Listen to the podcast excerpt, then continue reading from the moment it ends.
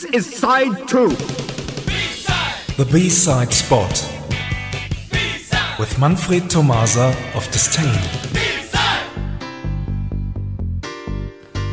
Hello, this is Manfred Tomasa, and here is your weekly B-side spot.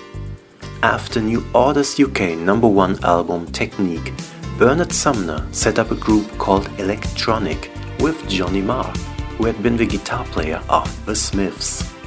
Electronic's first single, Getting Away With It, featured Neil Tennant on guest vocals and peaked on position 12 in the UK charts.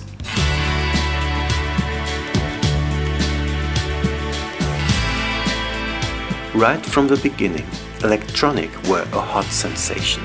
The second single, Get the Message, became the band's first top 10 hit in the UK.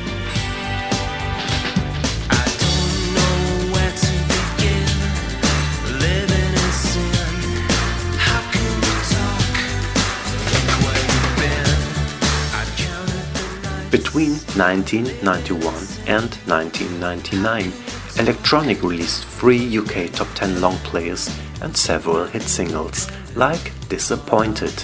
Again, this single featured Mr. Neil Tennant on guest vocals.